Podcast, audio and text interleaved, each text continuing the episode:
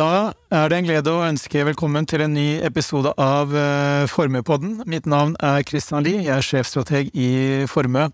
Normalt sett så er det jo Sunniva Rose som ønsker velkommen til uh, våre podkastepisoder, men hun er på reise, så i dag så tar jeg oppgaven som uh, programleder. Og i dag så har vi med oss en spennende gjest. Vi skal snakke litt om både norsk økonomi, men også global økonomi. Og eh, riktig i tiden så søkte jeg opp eh, dagens gjest eh, via ChatGPT i går. Og det som står, det er at han er en norsk økonom som per april 2023 jobber som sjeføkonom i Danske Bank i Norge. Han har lang erfaring fra finans- og investeringsbransjen og tidligere jobbet som analytiker og sjeføkonom i flere norske internasjonale eh, banker. I sin rolle som sjeføkonom eh, er han ansvarlig for å analysere, formidle informasjon om økonomiske trender og forhold som påvirker markedene, samt gi råd veiledning til bankens kunder og samarbeidspartnere. Han er en anerkjent økonom og ofte sitert i eh, norske og internasjonale medier i forbindelse med økonomiske nyheter og hendelser. Og Frank Gyllum, passer den beskrivelsen? Eh, deler av det passer bra. Eh, del har jeg aldri hørt om, men ok.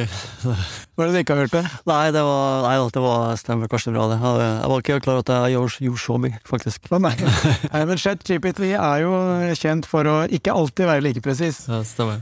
Men uansett, eh, vi har jo jobbet sammen tidligere i, i Danske Bank, Frank, og som, så vidt meg bekjent, så er jo også du en av de norske makroøkonomene som har lengst erfaring i, bransjen i dag og som også, i hvert fall periodevis, har hatt høyest treffprosent på dine prognoser. Er, er ikke det, stemmer ikke det også? Jo, av og til så har du det. Av og til så har du det. altså, det ja. ja. Men uh, jeg har i hvert fall invitert deg fordi jeg opplever deg og husker deg som en ekstremt dyktig uh, fagperson og god økonom. Med skarpe og tydelige meninger, og da er det alltid interessant å høre hva du tenker om dagens situasjon. Mm. Fordi det jeg tenkte i dag, var egentlig å stille deg ti ulike spørsmål Eh, fem om norsk økonomi og fem om mer globale forhold. Fordi nå har vi vært gjennom noen veldig spesielle år. Vi har hatt handelskrig, vi har hatt pandemi med ekstreme stimulanser, vi har hatt forstoppelse i forsyningskjeder, krig i Europa, økende geopolitisk spenning, høyeste inflasjon på 40 år og tilhørende betydelige innstramminger fra sentralbankene. Og bare for å gjøre bildet komplett, så har vi også klimaendringer, vi har en energitransisjon, som da både utfordrer og stiller nye krav både til politikere, næringsliv og oss som uh, forbrukere.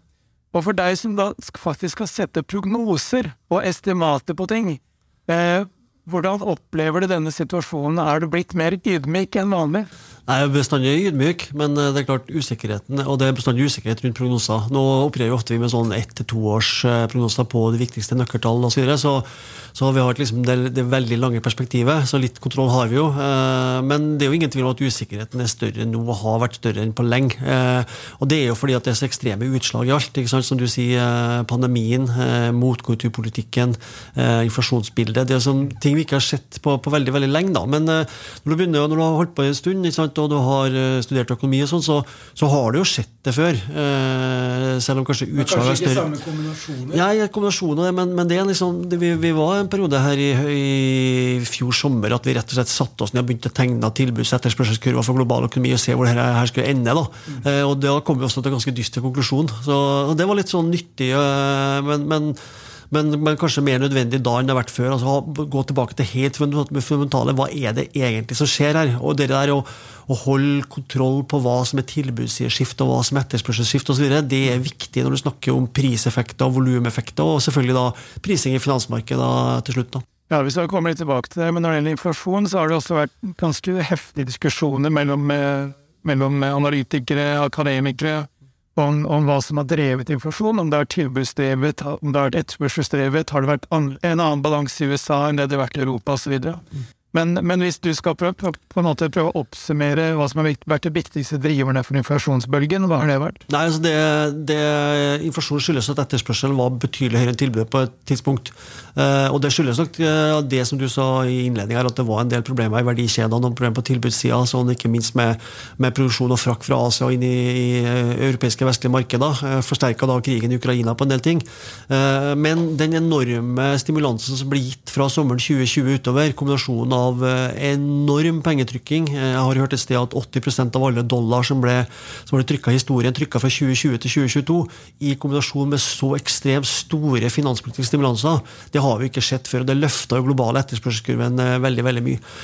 Men så er liksom litt av diskusjonen går på, på er det noe vits i å drive og dempe etterspørselen for å få ned inflasjonen hvis den er drevet. Og det er det jo. ikke sant? Fordi at Hvis du ikke kan gjøre noe med tilbudssida på kort sikt, så må, du gjøre noe med etterspørselen. Så det spiller egentlig ingen rolle hvorfor inflasjonen er høy. Du må sørge for å få inflasjonen ned før det blir eh, for store kostnader. Ja. Og da kommer vi inn på de ti spørsmålene som vi skal bruke mesteparten av tiden på. Og det første spørsmålet det handler da om norsk økonomi, og hvorvidt norsk økonomi er på vei mot resesjon. Ja, Det spørs hva du mener med resesjon. Um, ja. et økonomisk tilbakeslag der ledigheten stiger det, det, er, det, det, er det mest sannsynlige forløpet. Så mest sannsynlig forløpet nå fra andre halvår i år og ut neste år, det er at inflasjonen avtar og ledigheten øker. Men hvis du ser på stemningen og på en måte tendensene blant husholdninger og bedrifter i øyeblikket, er det er er det sånn motstandsdyktighet som vi har sett f.eks. blant amerikanske bedrifter og amerikanske husholdninger, eller er det en annen tendens? Ja, hvis du ser på sånne rene spørreundersøkelser, altså sånne ledende indikatorer som PMI og regionalt nettverk, og sånne ting, så har jo bedriftene eh, vært eh, pessimistiske, sånn som har sett også globalt. altså Indeksverdier under 50, som egentlig peker mot en mild resesjon. Men så har de faktiske veksttallene, og ikke minst arbeidsmarkedet, vært mye bedre enn en venta. Og, og det, det, sier jeg nok at, at uh, usikkerheten har vært stor også for dem som sitter med beslutninger i bedriftene sånn at de har egentlig frykta at det, ting skal gå veldig mye verre enn det det har gjort. Uh, og så er det sånn spørsmål om er det bare tidseffekter, eller vil dette her gå liksom inn i en sånn myk landing da, som alle sammen spår, eller, eller er det bare det at sånn som Friedman sa, monetary policy works with long and various lags. altså at Du har ikke sett fulle effekten av, av den tilstramminga. Vi er nok litt i den siste campen der. Når det gjelder husholdningene, så har jo de i Norge vært så pessimistiske at dere har sett maken i de 30 eh, åra vi har tall. altså De er jo mer negative nå enn de var under bankkrisen. Så, eh, så hva det skyldes, det vet jeg ikke. Det er også en del interessante geografiske forskjeller der, faktisk. Men, men, det er også forskjeller mellom ulike deler av norsk næringsliv? er ikke det? det Spriket har aldri vært større. og Det, det, det så du litt i, i lønnsoppgjøret òg. Eh, og det går ikke bare på bedrift til bedrift, men bransje til bransje. Ser du på f.eks. regionalt nettverk, beste konjunkturindikator i Norge, så er det veldig negative utsikter bygg og anlegg, i varehandelen, og veldig positivt i oljeleverandørindustrien og deler av servicenæringa. Og, det, og det gapet der har aldri vært større. Og det gjør jo det gjør det jo problematisk med policy-miksen. Altså, hva slags rente skal du sette som passer alle der? Det er problemet. Altså, så Nedturen i de bransjene som blir ramma, blir jo hardere fordi at det er en opptur i bransjer som ikke blir ramma av renteøkning, sånn som leverandørindustrien. Da et, eh, det er spørsmål nummer to, eh, og det er relatert, egentlig. Hvor lenge skal vi ha tilnærmet rekordlav arbeidsledighet i Norge? Og bare for, å, bare for, å legge til litt på det, så handler det litt om eh, etterspørselen etter arbeidskraft. For jeg har jo sett knapphet på arbeidskraft i veldig mange vestlige økonomier. Mm. Og da er spørsmålet er dette med for lav ledighet et, en syklisk midlertidig greie, eller er det et strukturert program? Nei, Jeg tror det er først og fremst det første, men det er jo litt av det andre. Altså det du ser nå at nå er det, eh, i hvert fall har det vært sånn som USA også, og Norge også inntil nylig, eh, en økning i antall ledige jobber samtidig som ledigheten har flata ut. og Det betyr at bedriftene finner ikke den kompetansen i poolen av arbeidsledige, som er sånn det økonomer kaller mismatch-problemet. altså kvalifikasjonene er ikke der, og Da har du jo nådd egentlig eh, bunnen kan du si, på, på ledighetsnivået. Så er det litt strukturelle ting i det. det var en del, altså Pandemien ga en del sånn førtidspensjonsordning og sånne ting, en del cash-utlegg som gjorde at det var miks mellom jobb og, og, fritid ble annerledes. men, men først og fremst så er nok uh, her er et, et, uttrykk for det samme du, du ser i, i makrobildet ellers.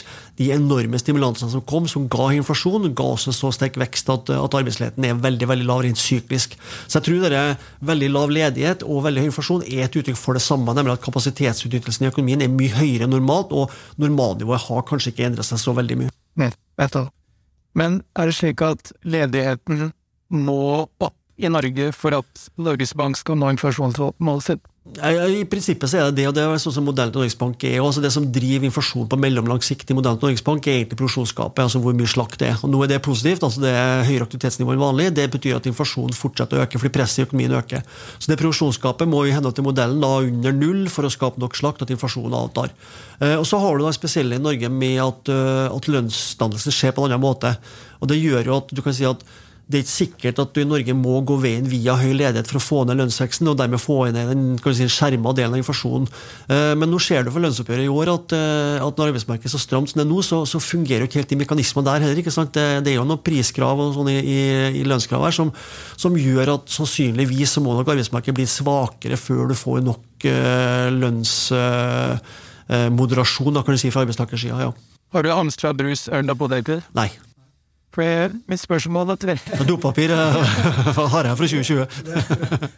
mitt spørsmål nummer tre det er jo hvordan er da utsiktene for norsk lønnsvekst og inflasjon? Fordi det relaterer seg til potetgull og brus og Ja, jeg tror, jeg tror lønnsveksten i år blir rett over 5 Det, det, det siste som ble lagt fram, var 5,2.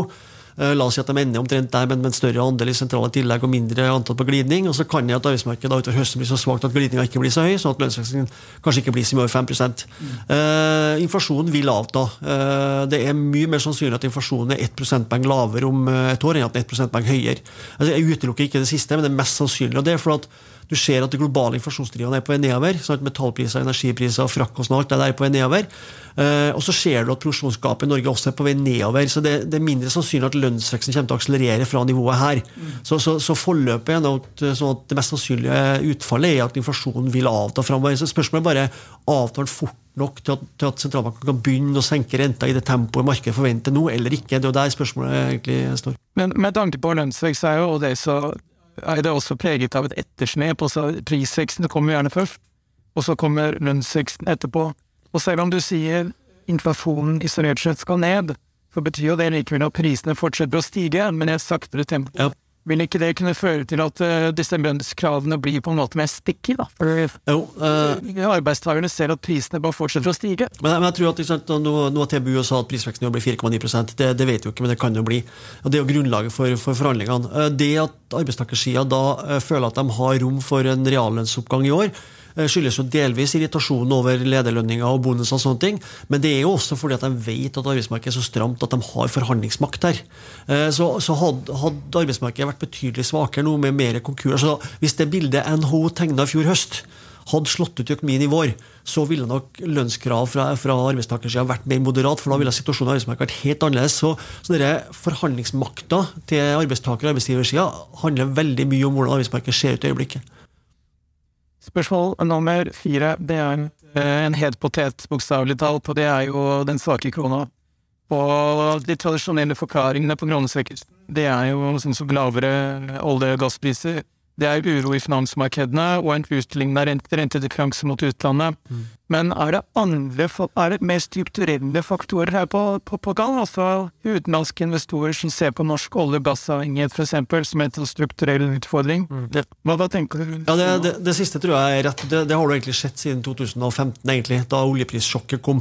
Uh, det var, det, en ting var jo at oljeprisene uh, falt, men, men framtidsprisene på olje falt mye. altså Forventningene til oljeprisene skulle være langt fram i tid falt jo. Og så har det grønne skiftet da kommet og gjort at, at olje som aktiva har blitt mindre populært. og mindre investorer er interessert. Du ser bare på at Det er jo nesten ikke utenlandske oljeselskaper på norsk sokkel lenger. Mm. Så de har trukket seg ut, og det ser du faktisk igjen i, eh, i eh, kapitalregnskapstallet, altså direkte, utenlandske direkteinvesteringer i Norge, som falt ganske mye fra sommeren 2015 og fram til slutten av 2019 inn i 2020. Men de har egentlig steget litt de siste åra, så, så det er ingenting i faktiske tallene som tyder på at det har vært der. Når vi kikker på utviklinga siden september, da en euro kosta 9,75, så den viktigste driveren for kronesvekkelsen er at rentene i Europa har steget 2 prosentpoeng mer enn norske i perioden der. Det, det forklarer 60-70 av, av eh, svekkelsen. Og så har oljeprisene falt fra 100 til 80 dollar fatet, og naturgassprisene falt fra ja, 150 til 50 eh, euro per megawatt. Så, så de tinga der eh, forklarer mesteparten. Så kom Silicon Valley, som du sier, global uro, forklarte litt av svekkelsen. Og så er det sånn at de, den bevegelsen fra 11.10-11.20 rett før påske til nå, den klarer vi ikke å forklare. Okay. Nei, den, den, den liksom, for, for, her har egentlig energiprisene stabilisert seg. Risikoappetitten målt ved ja, så Hvis du ser på aksjemarkedet, eller hvis du, hvis du går og ser på sektorvridning i aksjemarkedet, sant? altså ser på, på Nasdaq mot uh, euroindeks og sånne ting, sant? for å fange opp liksom, hva er det som egentlig driver markedet, så, så, og VIX-indekser og, og volatilitet og sånne ting, så, så har egentlig alt det skulle trukket i retning av sterke kroner. Eh, og renteforskjellen mot Europa ikke endra seg siden eh, påske. Så, så, det er uforklarlig, eh, de, de, ørene der. Og det gjør også at vi tror at på kort sikt kanskje vi kan se en liten, liten comeback. da. Ja, for du har jo dere, dere da, dere har jo prognoser på krona. tolv måneder frem, hva tror du? Nei, Vi tror krona er lavere, omtrent. Så 10-50-ish, omtrent. Og så er jo vi i den leiren som tror at det neste tema Lavere så mener vi det er sterkere? Ja, sterkere krone. Lavere kurs mot euro, altså en krone billigere euro, fra 11,50 til 10,50 ca. Men så er vi da den leiren at vi faktisk tror på en sånn strukturell kronestyrke på mellomlang sikt. Og det handler om at det grønne skiftet som du var inne på, sammen med det som har skjedd med Russland, altså at du skal rerute mye energi der, gjør at vi beveger oss oppe på kostnadskurven på energi. Du vil få høyere energipriser for et gitt globalt eh, BNP-nivå framover enn det du har fått. Eh, og når vi er ferdig med renteøkningssykelen nå, ikke sant, da sentralbanken er ferdig om det er til sommeren eller høsten, det så vil, eh, og liksom renteforskjeller vil bli mindre aktuelt som tema i valutamarkedet, så vil det neste temaet være overskudds- og underskuddsland, altså nettoimportører og nettoeksportører av energi. Så vi, vi tror på en, en, en ganske betydelig kronestyrking faktisk fra, fra ja, høsten, slutten av året her og inn i 24-25. Og så Hvor mye det blir, er litt avhengig av om det globale finansmarkedet igjen ønsker å ta i fossil energi som aktiv av klasse. Mm. Så, så, så, uten det så vil styrkinga bli moderat, og med det så kan styrkinga bli veldig veldig stor. Eller så kommer vi til å bli dønn rik, ikke sant? fordi vi får veldig veldig høy avkastning på de prosjektene vi har på sokkelen. Mm. Um, når det gjelder eh, sentralbankene, så vil jeg tro at det er ganske mange av de som klør seg bra i huet og er litt forvirra hva de skal gjøre. Men Norges Bank er også litt sånn uh, utfordret situasjon med tanke på den svake krona. Mm. Vi, vi, vet at krone, kronen blir veldig svak, så bidrar det til økt importert inflasjon. Og økt, økt, importert inflasjon det skjer jo ikke om natten, men det tar gjerne litt tid. Eh, hvor, hvor, tror du balansegangen her går fremover for Norges Bank sin del? Altså, det, det, det, som du sier, Importinflasjon er viktigst. 50% av konsumprisene er importert. Eh, så Det betyr at uh, valutakursen betyr mye for inflasjonen i Norge, sånn som den gjør i små, åpne økonomier. Så har Norges Bank et fleksibelt inflasjonsmål, som betyr at du trenger ikke nødvendigvis å ta hensyn til, til kortsiktige endringer i inflasjon som følge av valutakursendringer. I 2016, etter oljesjokket, så fikk du en betydelig økning i inflasjon pga. importinflasjon. Inflasjonen var 4 Norges Bank kutta renta i den perioden der. Og det var fordi at Da var jo ledigheten på full fart oppover. altså Produksjonsgapet opp nedover, kapasiteten i økonomien gikk ned. Så på mellomlang sikt så var utsiktene til inflasjon klart på nedsida. Men da var også inflasjonen veldig lav. Problemet i, eller i øyeblikket det er jo at nå er inflasjonen så høy at hvis inflasjonen blir veldig mye høyere, så risikerer det lønnskrav, priskravene som du har. og den, ris den, risikoen er mye større når inflasjonen er 6 enn når inflasjonen er 3 ikke sant, i utgangspunktet. Så det gjør at dette kommer til å veie mer for Norges Bank enn det vanligvis gjør. Eh, særlig når du ser at, at arbeidstakersida da faktisk krever priskompensasjon i lønnskravene. Så er det som må, eh, må eh, adresseres, faktisk. Ja, for sentralbanken er i utgangspunktet mer redd for en, en sånn prislønnsspiral enn det er for at vi skal få en nedtur i økonomien. Ja, altså hvis, hvis, det er sånn at det er en strukturell svekkelse av krona, av en eller annen grunn, så kan ikke Norges Bank gjøre noe med det likevel. Det er jo andre politikkområder som, gjør, som må gjøre noe med. Så, så, det vil jeg ikke ta hensyn til. Men så skal du også huske på at arbeidsledigheten er på laveste nivå siden 2007, så det er jo ikke noen målkonflikt i Norges Bank. Altså, inflasjonen er så høy at den tilsier høyere rente. arbeidsligheten arbeidsledigheten er så lav at den tilsier høyere rente. Og valutakursen er så svak at den tilsier høyere rente. Så det er jo egentlig ikke noe, sånn, det er jo ikke noe konflikt i Norge foreløpig. Så det er jo egentlig utsiktene til at at du får det scenarioet vi snakka om i stad, nemlig resesjon i Norge. Det er til høsten her, her kommer til å bli eh, litt problematisk. Ikke bare for Norges Bank, men for andre sentralbanker. For dere spår rentekutt mot slutten av året? Ja, desember. Men det er jo, men det er jo fordi at vi, vi, tror det kommer en ganske kraftig sånn uh, off the cliff, da, både globalt og i Norge utover høsten her. Nettopp. Da skal vi over på global økonomi. og vi fortsetter litt på sentralbankområdet. Vi vet jo at uh, ikke bare Norges Bank, men også ECB og Fed har hevet styringsrentene eh, kraftig. Altså, vi har ikke sett eh, kraftigere innstramming i pengepolitikken på, på, over 40 år.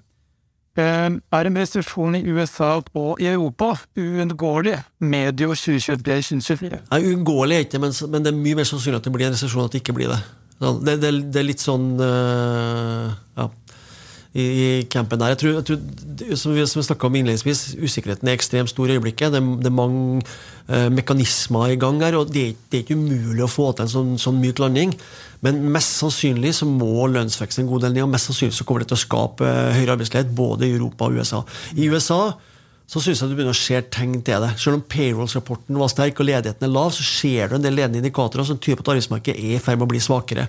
Og du må huske på det at i USA som i Norge og Europa så har aktiviteten holdt seg opp, at folk har brukt oppsparte midler. I Norge så er vi i ferd med å gå tom. I USA har de ennå et par kvartaler til. I Europa har vi ikke gode tall, så det er ikke så lett å si. Men den effekten vil slå ut på et tidspunkt. Hadde det ikke vært for de sparepengene, så ville det rentenivået vi har hatt nå, trukket veksten i Norge ned med to prosentpoeng. Da har ledigheten vært helt annerledes. og Sånn er det også i USA, men som sagt, der har de enda mer penger på buffer. altså Det var jo mye mer cashutlegg til de fattigste der, så de har nok litt å gå på. Men når, det snur, så vil du få en ganske kraftig korreksjon i forbruket, og det, det vil, det vil ganske hard For det er jo noe som egentlig overrasket eh, sikkert ikke bare meg, men, men flere også, da, at eh, verdensøkonomien og for så vidt norsk økonomi også har vært så motstandsdyktig gjennom den perioden med, med krig, høy inflasjon eh, og kraftig innstramming i rentene.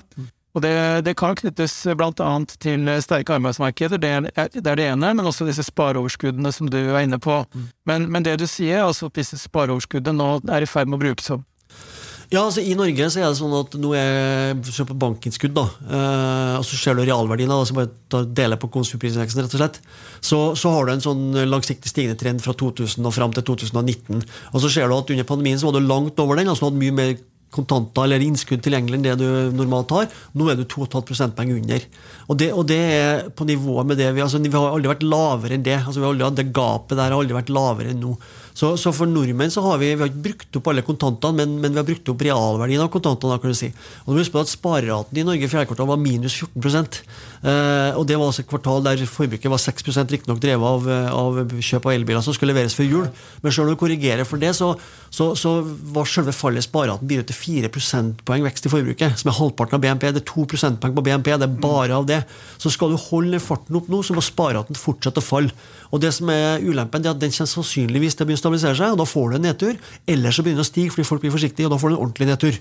Og Det er forløpet. I USA er du litt lenger unna det punktet. her. Husk på også at i USA som i Europa veldig lav sparerat i USA også. ja, men, så, så, men husk på at i, i, i USA, sånn som i Europa, så, så har folk fastrente på bolig.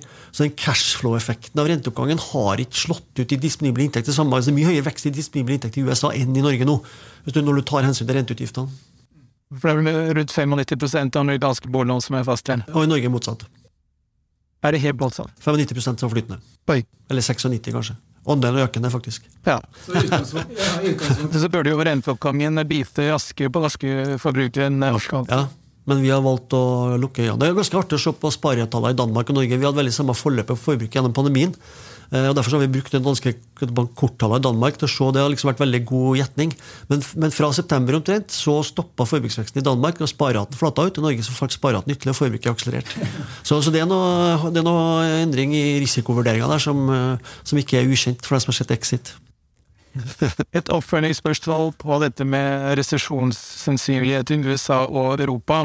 Fordi det man kan lure på, er jo liksom Hvis man tenker resesjon som et krapp og en alvorlig økonomisk krise, altså depresjon og virkelig ille, så er det vel ikke nødvendigvis slik at en resesjon ligner på de resesjonene vi har hatt eh, under finanskrisen eller etter IT-boblen sprakk. En resesjon kan jo være mye mindre og, og mye kortere. Men, men mitt spørsmål til deg er jo, når vi da har hatt denne lange perioden med, med nullrenteregime og, og tiltagende risikovidder i finansmarkedene, og vi har sett stigende renter bidra til at disse bankene får problemer i USA, er det flere lik i skapet som kan rulle ut Det når resesjonen kommer? Ja, det er jo ren matte. Det er jo, det er jo det er garantert. Altså, det var mye snakk om den Silicon Valley-konkursen. Liksom, er er banksektoren et risk? Det tror ikke jeg. Bankene altså, er regulert og godt kapitalisert sånn. Men Silicon Valley illustrerer poenget med at det er masse aktiva ute der som, som ikke eh, noteres daglig, og som har et mye høyere verdifall enn det det ser ut for i balansen. Og Det betyr at i det øyeblikket du ikke lenger er solvent eller ikke lenger er likvid og må kvitte deg med der, så må du ta et vanvittig tap.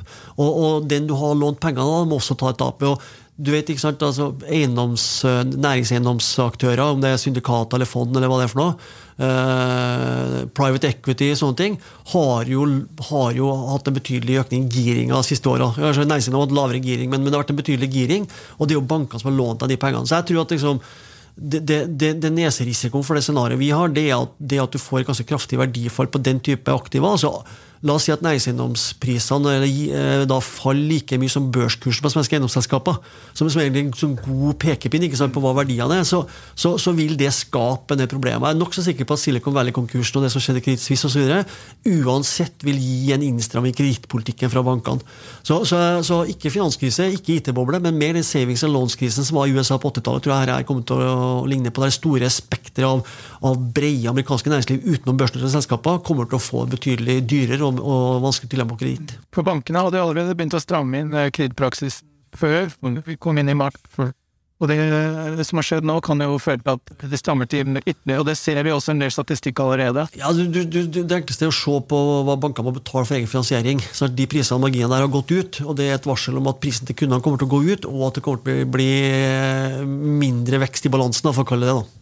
Mm. Men litt, litt, tilbake til Norge, nå hopper vi litt mellom regioner. Men uh, dette med norske banker og hvor solide de er Vi vet jo at næringseiendom er blant de største utlånspostene også til norske uh, banker. Mm. Uh, kan problemer europeisk, amerikansk næringseiendom også smitte over til norsk næringseiendom? Det, det, det, jeg tror ikke det trenger å smitte, jeg tror vi har et problem sjøl. Vi har samme problemer sjøl.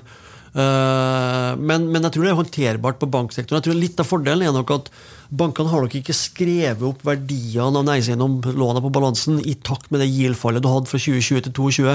Så du har litt å gå på. så La, oss si at liksom halvparten av den, det GIL-fallet der er på en måte ikke tatt ut i verdien på bankenes balanse. Og, og, hvis du ser på GIL-fall så mener jeg også i prinsippet verdiøkning. Ja, verdiøkninga på, sant? Så, så, den er på en måte ikke justert opp, og da trenger du heller ikke å justere like mye ned som kanskje, kanskje er prisene ender. da. Uh, og så er jo bankene godt kapitalisert, så de kan nok ta den hiten der uh, uten at de går konkurs og sånne ting. Men det er vanskelig å tenke seg at ikke det skal påvirke bankenes vilje og evne til å låne ut til den sektoren, mm. som da forsterker problemene i den sektoren. Det har vi sett uh, tidligere sant, i, i, andre typer sektorer.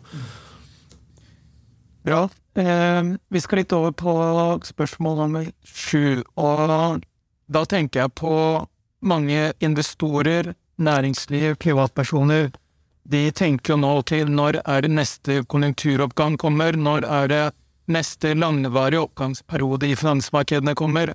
Og hvis vi går litt tilbake i tid og ser på historikken, så var jo veldig mange av disse langvarige, solide konjunkturoppgangene og bullmarkedene i finansmarkedene hatt utgangspunkt i høy ledighet, lav inflasjon, relativt lav kapasitetsutnyttelse i økonomien, og lav verdsettelse i finansmarkedene. I dag så avgjør jo situasjonen på ganske mange av disse områdene. For eksempel så har vi lav ledighet, vi har høy inflasjon, vi har relativt høy kapasitetsutnyttelse, som du var inne på. Mm. Hvordan ser du på forutsetningene for, for fremgang i verdensøkonomien og i, i, i vestlig store økonomier, da?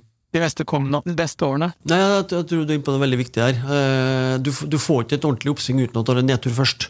Altså, du skal se På markedet så må du ha en re eh, revidering av prisnivået skal du få en oppgang, for at prisene nå er egentlig dyr. Så det, det, er som, det er ingenting i prioritetsanslag eller vekst i arbeidsstyrken globalt som tilsi at du skal få en akselerering av den globale veksten. og Da er inntjeningsestimatet ganske stram, og prisinga er ganske høy gitt det rentenivået du får. Så skal du få det, så må du ha et kraftig fall i rentene igjen. Eh, og det kan komme av enten at inflasjonen faller av seg sjøl, eller at inflasjonen faller fordi du får en resesjon. For, for, på, på liksom mellomlang lang sikt så, så tror jeg ikke liksom vekstutsiktene har endra seg. Så, så mindre du får en ordentlig nedtur, så får du heller ikke en oppsving. Og det er vi litt bekymra for. Syklisk oppsving nå, med det rentenivået du har, med de energiprisene du har, det er vanskelig å se. altså. Nyttig deg, i så fall? Jeg, mitt, jeg, jeg, tror det er mer sannsynlig at du får en ny runde med QE om tre år, enn at du får en uh, varig periode med, med, høy vekst og høy rente. For det er litt besynderlig, for hvis man ser på makroøkonomer i USA, så forventer jo gjennomsnittet av konsensus har jo at veksten skal avta de kommende kvartalene. Mens aksjeanalytikere de forventer at inntjeningsveksten skal akselerere. Mm. Og så er det diametralt motsatt syn. Mm. Eh, er det for mye optimisme i finansmarkedene fortsatt? Eh, det er vanskelig å si. det både på prisinga. Liksom, hva, hva er ting prisatt relativt? Hva, det som har skjedd, er jo at alternativavkastninga har økt kraftig. Sant? For Risikofri rente har økt 250 eh, punkter. Så det betyr noe for alle aktive. Det ja. tilbudt 4-20 på sin Ja, ja du, du, du, får jo kjøpe obligasjoner av Oslo kommune for 5 rente. Hvorfor skal du kjøpe næringseiendom til 4 GIL? Sant? Litt sånne ting. Men, men, jeg, men, jeg, er enig i det. og det er sånn, hvis, du, hvis du hører aksjestrategene våre så sier jo de at uh, nå har inflasjonen begynt å falle, og markedet lett, blir letta over det, for det betyr at rentetoppen er nær. Lange renter begynt å falle, det er bra for aksjemarkedet. Problemet er at inflasjonsfallet er et uttrykk for at marginene er i press. Uh, og hvis det er det, så vil jo inntjeningsestimatene ligge for høyt. ikke sant? Og det, det, er litt det du har sett i varehandelbransjen i Norge? Som, som jeg tror er liksom kanarifuglen her. Uh, etterspørselen reduseres, kostnadene er egentlig høye men du har ikke noe pricing power og må ta kuts, og da kjenner du på marginene. Det tror jeg er neste er i servicesektoren, ikke sant? Også, også med det brede markedet. Fordi Vi snakket litt om dette med inflasjonsdrivere, altså vi har både på tilbudssiden og på etterspørselssiden. Men en kanskje litt undervurdert bidragsyter til inflasjon, da, det har jo vært uh, marginekspansjon hos bedriftene. Mm. Fordi når bedriftene ser at ok, kostnadene mine øker, og det er inflasjon, og det er fortsatt uh, kjøpsstyrke hos husholdningene pga. sparepenger, som har da løftet prisnivåene på, på, på, varer og tjenester høyere enn det man egentlig trengte. Yes. Og det har da vært en intuasjonsdriver i tillegg. Ja, det det. Men, men, den marginekspansjonen den er nå i ferd med å komme under press. Den, den, den kommer fordi demand pull-effekten begynner å øh, overta. ikke sant? Det, det, er rett og slett ikke pricing power til Ja. Da skal vi gå over på spørsmål nummer åtte. Og når vi jobbet sammen eh, tre-fire år siden, Frank, så snakket vi ikke så mye om eh, klima- og energitransisjon som vi gjør i dag. Men noe jeg, noe jeg har snakket mye om og skrevet mye om, det er jo dette med at klimaendringene er i ferd med å få stadig større økonomiske konsekvenser, blant annet fordi vi ser at klimaendringene, ekstremvær, påvirker produksjon av energi, produksjon av mat, og hvis vi forutsetter at etterspørselen etter energi og mat vil fortsette å stige, så vil jo problemet på produksjonssiden kunne gi perioder, periodevise prisøkninger. Og vi vet også at energitransisjon, hvor man skal fase ut fossil og fase inn fossilfri, det er vanskelig å se for seg at det skal skje lineært og smooth og, og behagelig uten at det blir perioder med store prisbevegelser i, i markedene. Mm. Eh, er den hypotesen riktig? Altså klima- og energitransisjon kan få langt større betydning for det økonomiske bildet neste år enn det man kanskje har antatt? Det Utgangspunktet må jo være at kapitalavkastningen kapitalavkastninga vil bli lavere for alle. Eh, det er jo fordi at du beveger opp kostkurven på energi. Eh, det gjør jo det er jo form for beskatning.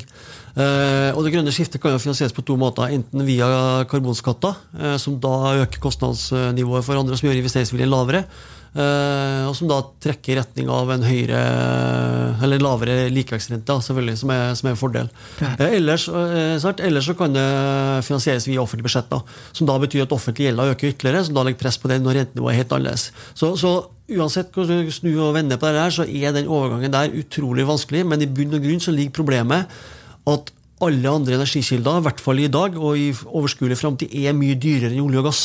Og Det betyr at det, det, det kommer en skatt her på næringslivet som kommer til å gi, da, gi lavere avkastning, langsiktig avkastning for alle som ikke er energiprodusenter. Ja. Det blir også lavere uh, fremtidig inntjeningsvekst generelt i næringslivet? Ja, altså det, det, er jo, det er jo lavere hvis, hvis, du tror at det, som, det spørs litt på pricing poweren igjen, da, så vil altså arbeidskraftens det her men, men, men, den kaka vil vokse saktere enn gjort før. Rett og. Så, så kan det jo skje andre ting.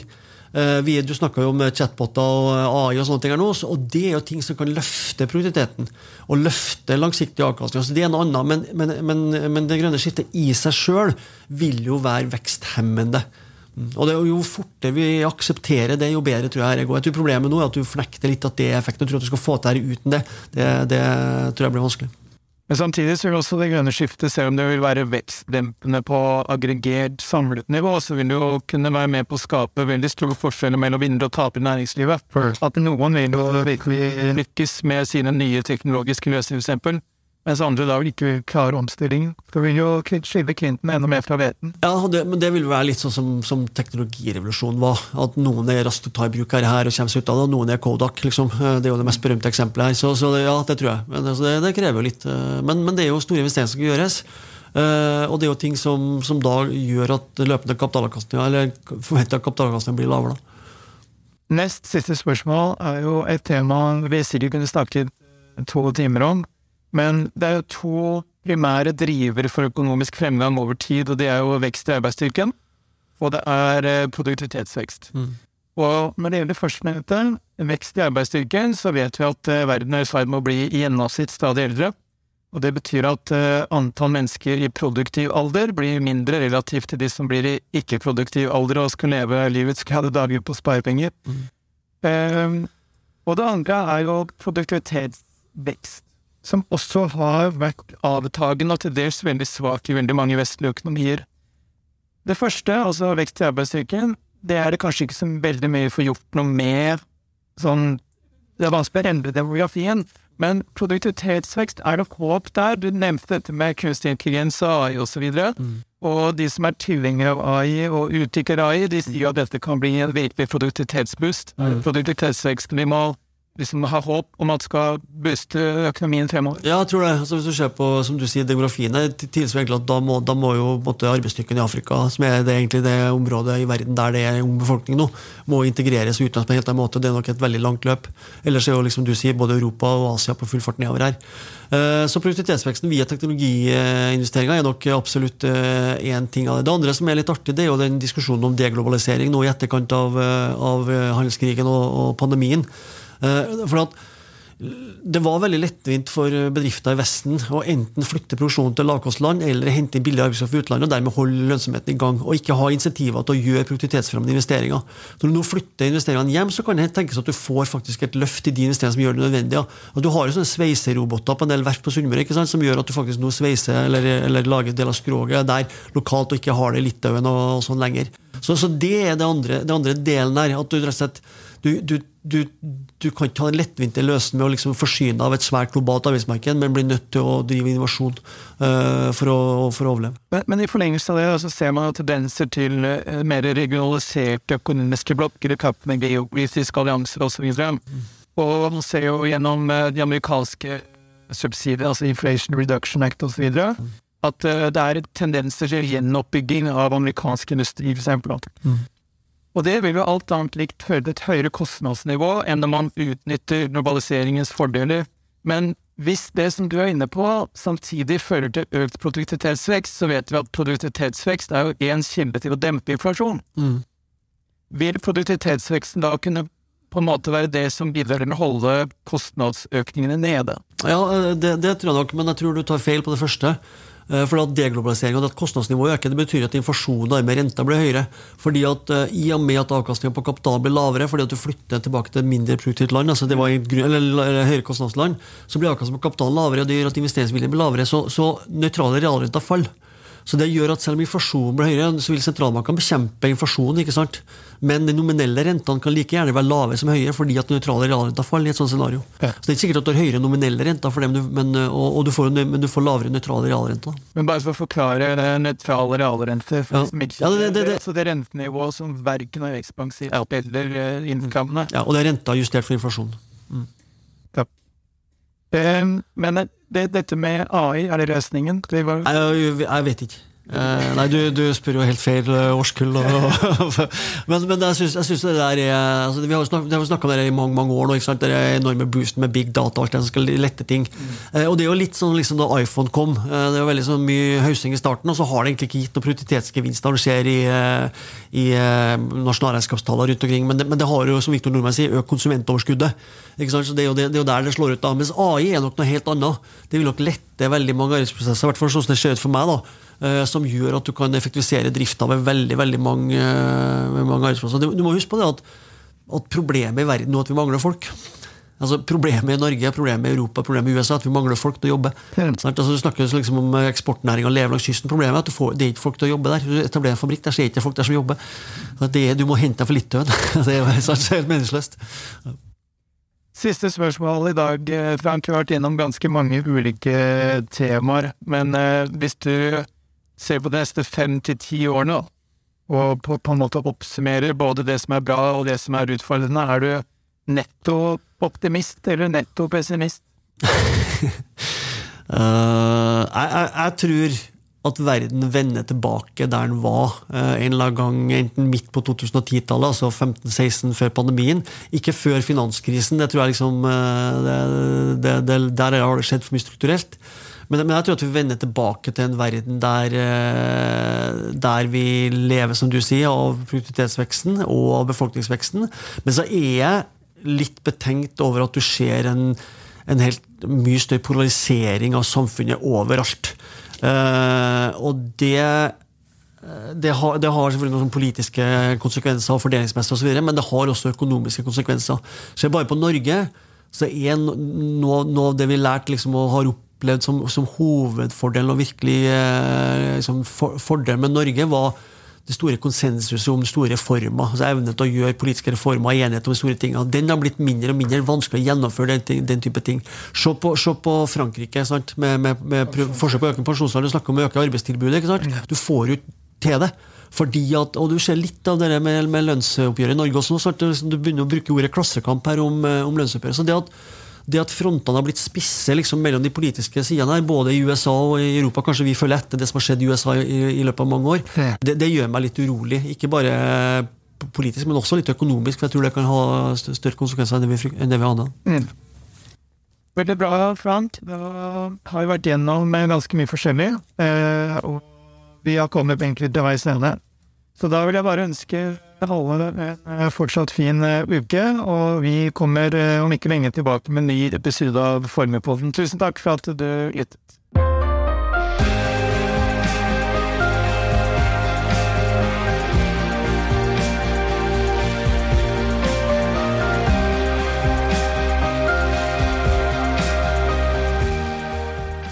Du har hørt på Formuepodden, en podkast fra Formue.